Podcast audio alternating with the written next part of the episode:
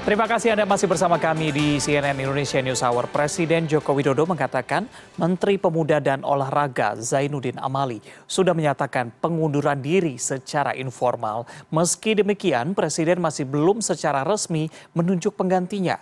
Hal ini dikatakan Jokowi saat meninjau Kali Ciliwung sebagai antisipasi banjir di Jakarta pada Selasa pagi.